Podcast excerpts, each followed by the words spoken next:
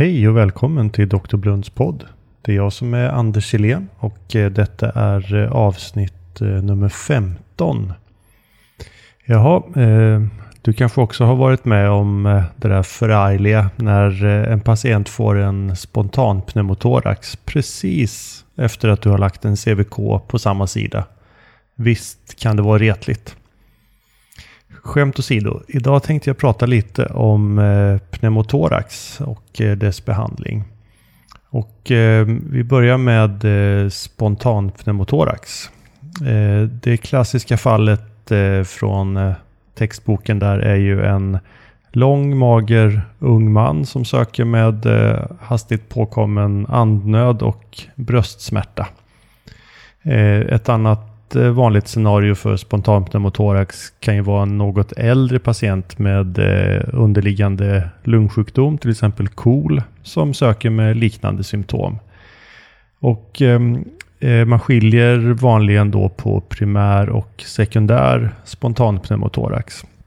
En primär spontanpneumotorax är eh, det första exemplet, det vill säga en eh, ung patient och i det här fallet dras gränsen vid 50 år som inte har någon underliggande lungsjukdom. Eh, I alla andra fall så räknas det som en sekundär eller i vissa eh, sammanhang komplicerad spontanpneumotorax. Och eh, Anledningen till att man delar upp det på det här sättet är att både prognos och handläggning skiljer sig åt en del. Patienter som har en underliggande lungsjukdom tolererar en pneumotorax sämre och därför är det viktigt att man identifierar och behandlar dem tidigare och mer aggressivt. En patient som är över 50 år gammal och har eh, betydande rökanamnes, eh, även om det inte syns någonting på lungröntgen, ska också handläggas som en sekundär spontanpneumotorax. Um, när det gäller diagnostiken så är ju standardmetoden en vanlig slätröntgen och uh, den ska helst göras uh, stående i maximal inandning. Uh, och alternativet är datortomografi. En datortomografi är betydligt känsligare och upptäcker fler små pneumotorax än vad en slätröntgen gör. På gott och ont kanske. Eh, man brukar kalla en pneumotorax stor när den upptar mer än 50% av lungvolymen på den sidan.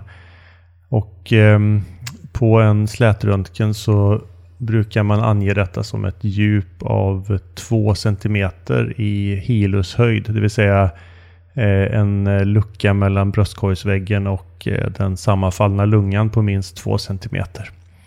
Men det bygger ju på många antaganden, till exempel att eh, luften är helt symmetriskt fördelad i bröstkorgen och det är verkligen inte alls säkert, särskilt om patienten har underliggande lungsjukdom med eh, adherenser i pleuran. Och då ger en eh, datortomografi ett bättre mått på volymen.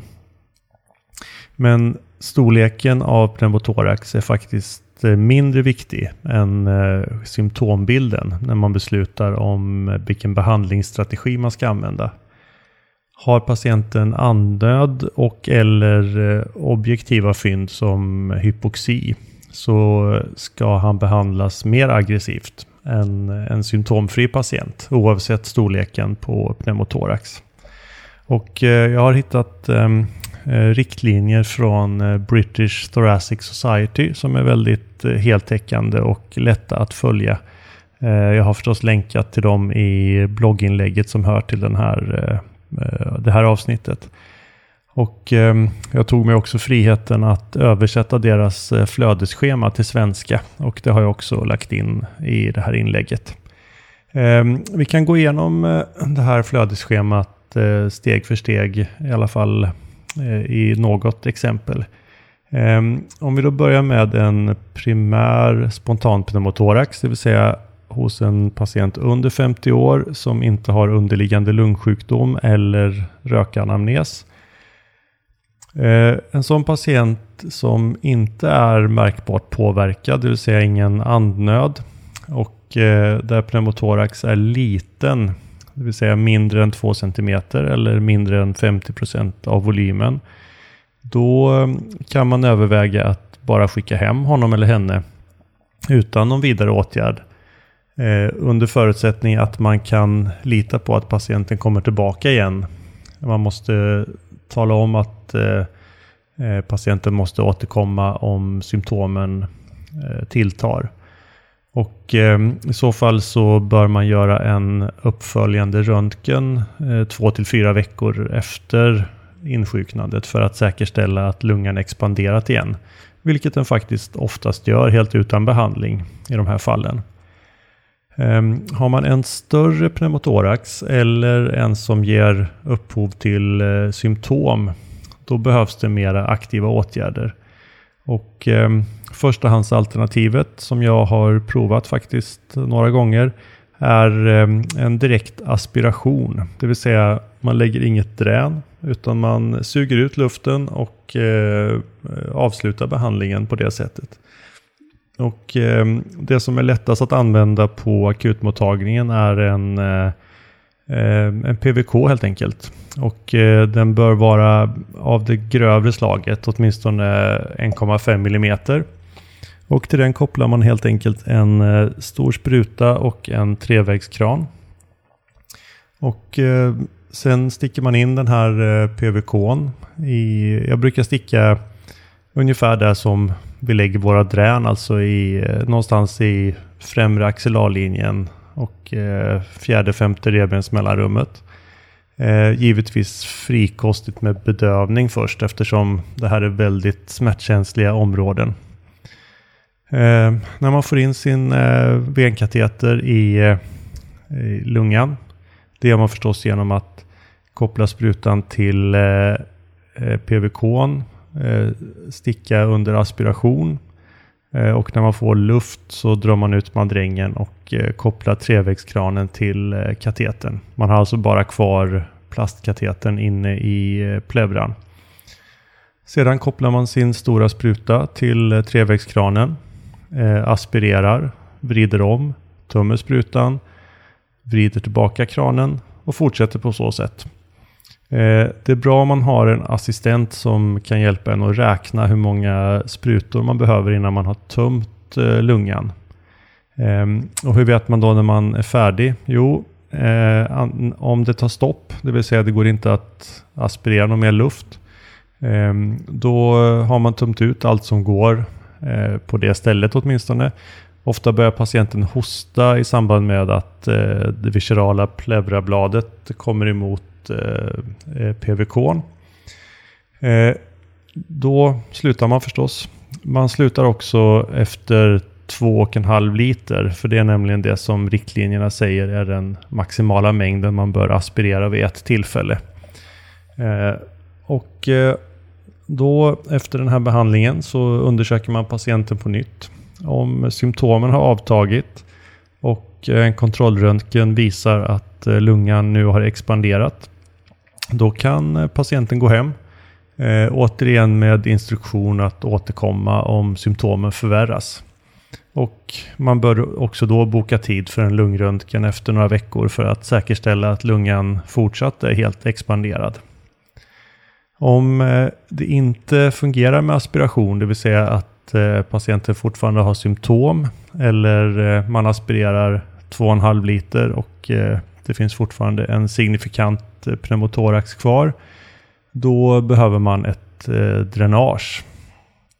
Och man bör välja det minsta dränaget man har tillgång till. Det ska inte vara större än 14 French, Eh, det vill säga mellan 4 och 5 millimeter. Eh, och metoden för att eh, lägga in ett plevradrän tänker jag inte gå in på i detalj. Ehm, det hoppas jag att ni som jobbar inom den här branschen känner till. Annars finns det gott om instruktioner om det. Ehm, en sak jag tänker på är att sug inte är rekommenderat Eh, i riktlinjerna. Eh, det räcker med en eh, backventil och då kan det antingen vara en Eh, Heimlich-ventil eller ett eh, vattenlås. Ehm, och det bästa är förstås ett system som inte är alltför stort och klumpigt, som tillåter att patienten kan vara uppegående. Och ehm, det finns ju särskilda system med eh, dränage och ventil i, i ett stycke som man till och med kan fästa på bröstkorgen. Jag tror att det mest kända är eh, True Close. Eh, om man har ett sådant system så kan man faktiskt överväga det redan från början om eh, patienten föredrar det och då kan han eller hon oftast gå hem med dränet och komma tillbaka för uppföljning ett par dagar senare. Det kan vara värt att informera patienten om att enkel aspiration som jag beskrev först misslyckas ungefär en tredjedel av gångerna. Och då blir man ju tvungen att eh, stickas en gång till för att lägga dränaget. Så i samråd med patienten kan man alltså välja drän från början. Om, eh, särskilt om man har tillgång till eh, ett sånt här portabelt system som tillåter att patienten går hem och inte behöver läggas in. Ehm, men om patienten har eh, andnöd fortfarande efter att man har aspirerat eller lagt drän då bör man lägga in honom eller henne åtminstone till symptomen har förbättrats. Och eh, det finns då ett visst stöd för att eh, extra syrgas kan eh, påskynda resorptionen av luften i pleura. Så stannar patienten på sjukhuset kan man överväga att ge syrgas eh, vare sig det föreligger andnöd eller inte. Ehm, om det efter 24 till 48 timmar fortfarande läcker luft ur dränet eller om lungan inte har expanderat eh, eh, mer eller mindre totalt då, då skulle nog ändå de flesta av oss överväga att eh, koppla det här dränet till en aktiv sug. Och eh, det är en accepterad strategi även om det faktiskt är väldigt lite evidens för att det påskyndar eh, läkningen av eh, pneumotorax. Ehm, kopplar man till en sug så ska det vara en så kallad eh, lågtryck högflödessug. Och det är det man får om man använder de här kommersiellt tillgängliga sugsystemen. Och man börjar med ett litet tryck, ungefär 10 cm vatten, alltså negativt tryck på 10 cm vatten. Eh, och ökar efterhand om det behövs, om lungan inte expanderar. Eh, men eh, det ska alltså inte behövas i de flesta fall. Eh, så det var primär spontanpneumotorax. Eh, om vi då tittar på samma flödesschema när det gäller sekundär spontanpneumotorax, alltså hos en person som har underliggande lungsjukdom eller är över 50 år och rökare. Då vet vi att de här patienterna inte är så lämpliga att skicka hem därför att de eh, oftast tolererar sin pneumotorax sämre och de behöver därför monitoreras och behandlas mer aggressivt. Eh, man kan fortfarande överväga att prova enkel aspiration om en sekundär pneumotorax är mindre än 2 cm och patienten är opåverkad. Men eh, chansen att det lyckas är betydligt mindre i de här fallen. Eh, och är patienten andningspåverkad eller om pneumotorax är större än 2 cm då är det drän som gäller. Men återigen, dränet ska inte vara större än eh, 14 French. Eh, och man använder bara sug om man inte ser att lungan har reexpanderat efter 24 till 48 timmar. Eh, och har man en patient med eh, sekundär spontanpneumotorax eller för den delen en patient med återfall av primär spontanpneumotorax då bör man skriva en remiss till lungmedicin för att överväga förebyggande behandling för att undvika återfall i framtiden. Ehm, så det om spontan pneumotorax. Men av extra intresse för oss som jobbar med akutmedicin, anestesi och intensivvård är förstås eh, traumatisk pneumotorax. Eh, inklusive de eh, förargliga fallen av eh, iatrogen pneumotorax som vi ibland orsakar med våra ingrepp, till exempel CVK-inläggning. Eh, och eh, faktum är att man kan undvika dränage i ganska många av de fallen också.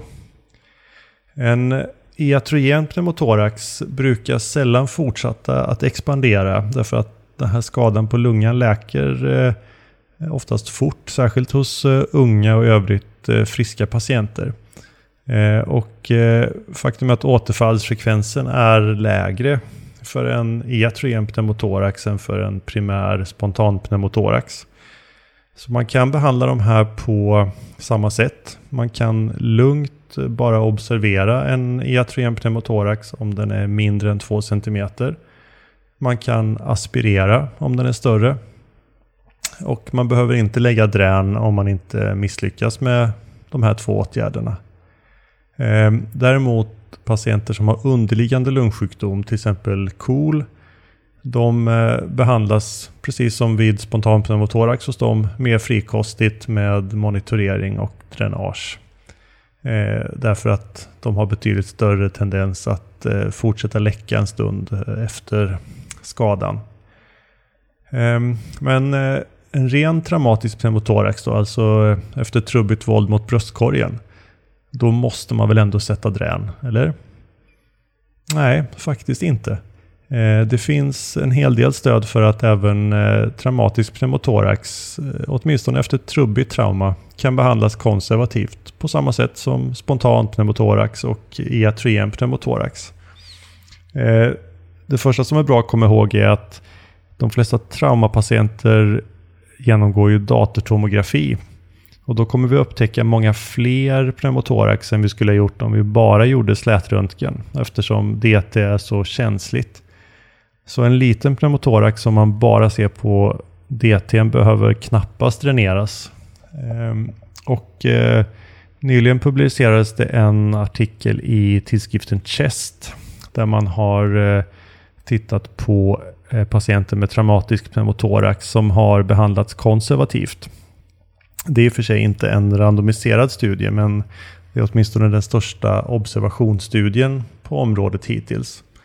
Och eh, på det traumacentret hade man under perioden då ungefär 600 patienter som hade stort trauma baserat på deras eh, ESS-poäng, eh, inklusive pneumotorax.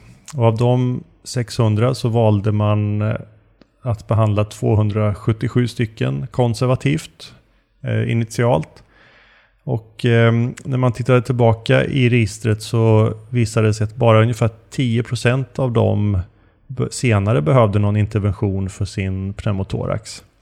Och eh, av alla eh, faktorer som eh, man tittade på så fanns det bara en som kunde kopplas till ökat behov av eh, dränage och det var om det fanns en samtidig hemotorax, det vill säga signifikanta mängder blod i pleura. Och det kan ju knappast komma som en överraskning. Ehm, men det mest intressanta tyckte jag var att det inte verkar som om respiratorbehandling med övertrycksventilation ökade risken för att eh, den konservativa behandlingen skulle misslyckas. Man hade alltså patienter med eh, traumatisk pneumotorax som man intuberade, la i respirator och eh, de klarade sig bra. Behövde inget rän. Eh, så den gamla sanningen att alla patienter med pneumotorax som ska övertrycksventileras måste ha ett drän verkar alltså inte stämma. Personligen skulle jag nog ändå vara ganska frikostig med drän till en multitraumapatient som behöver intuberas. För om patienten plötsligt kraschar mitt i natten så är det ju skönt att åtminstone ha eliminerat en orsak till det. Ehm, men ganska ofta så är ju pneumotorax det enda signifikanta fyndet. Ehm, och om man väljer konservativ behandling kan man ju spara mycket både tid, pengar och eh, obehag för patienten. Så ehm, det tycker jag är en viktig lärdom. Och även vid traumatisk pneumotorax, i alla fall om det inte samtidigt finns en hemotorax, så är det små drän som gäller för luft, det vill säga 14 French. Och normalt sett behövs ingen sug om man inte ser tecken till ett stort eh, luftläckage. Ehm, och den, så den sista frågan för idag är eh, förstås när ska man ta bort dränet? Och hur gör man? Ehm, ja, det är ingen tvekan om att man bör ta bort dränet så fort som möjligt. Därför att ju längre det får sitta desto större blir risken för komplikationer som eh, eh infektion och som eh, Eh, pleuravätska som helt enkelt eh, skapas av irritationen från, från dränet. Så dränet ska tas bort så tidigt som möjligt. Eh, målet med att sätta ett drän är ju att expandera lungan och därmed underlätta läkningen. Så det första kriteriet är förstås att patienten ska vara kliniskt förbättrad, till och med stabil. Och att en lungröntgen visar att lungan har expanderat. Och givetvis måste man göra den röntgenkontrollen med sugen avstängd om man har använt sug tidigare. Ehm, det råder delade meningar om man bör stänga, stänga dränet med en klämma innan man gör kontrollröntgen. Ehm, själv brukar jag sällan göra det, men det gäller att använda sitt kliniska omdöme. Om det har funnits tecken till ett större luftläckage som behövt sugbehandling och sen tagit flera dagar innan det har läkt, då vill man förstås gärna försäkra sig om att läckaget har upphört helt innan man tar bort dränet. Ehm, då kan man klämma av dränet i några timmar och sen ta en bild. Ser man ingen pneumotorax då, då är det förmodligen lugnt att ta bort det. Men om man stänger av ett drän med en klämma så är det viktigt att alla som finns omkring patienten vet om det. För om patienten plötsligt skulle bli sämre med andnöd eller minskad saturation, då måste man öppna den där klämman på en gång. För då kan det ha uppstått en eh, övertryckspneumotorax. Ja, när man då ska ta bort själva dränet. Det är eh, inte direkt någon eh, avancerad åtgärd, men det finns ändå massor med olika uppfattningar om hur det ska gå till. Eh, en del tycker att man ska dra ut dränet eh, under utandning, en del under inandning.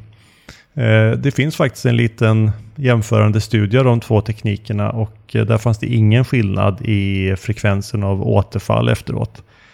Ehm, jag tycker personligen att det känns bättre att dra dränet under en forcerad utandning. För då är i alla fall trycket i pleura positivt. Ehm, om patienten ligger i respirator så har ju han eller hon positivt tryck hela tiden. Så där lär det inte spela någon roll eh, när under andningscykeln man drar ut dränet. Ehm, hur som helst, eh, bestäm dig för vilken eh, metod du vill använda. Alltså när dränet ska dras.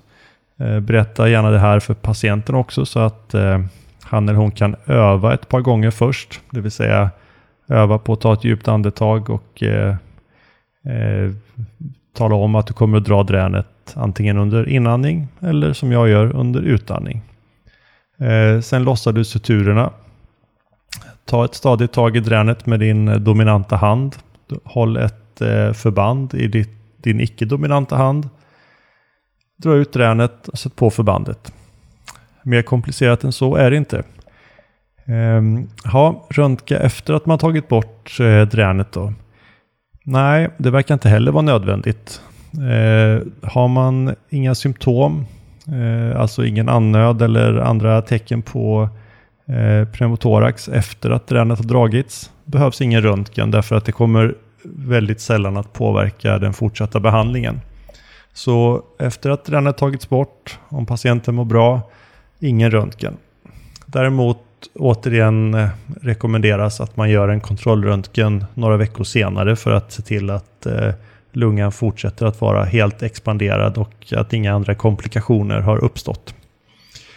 Så för att sammanfatta dagens avsnitt så kan man säga att eh, betydligt fler patienter än man tror kan behandlas konservativt utan invasiv åtgärd.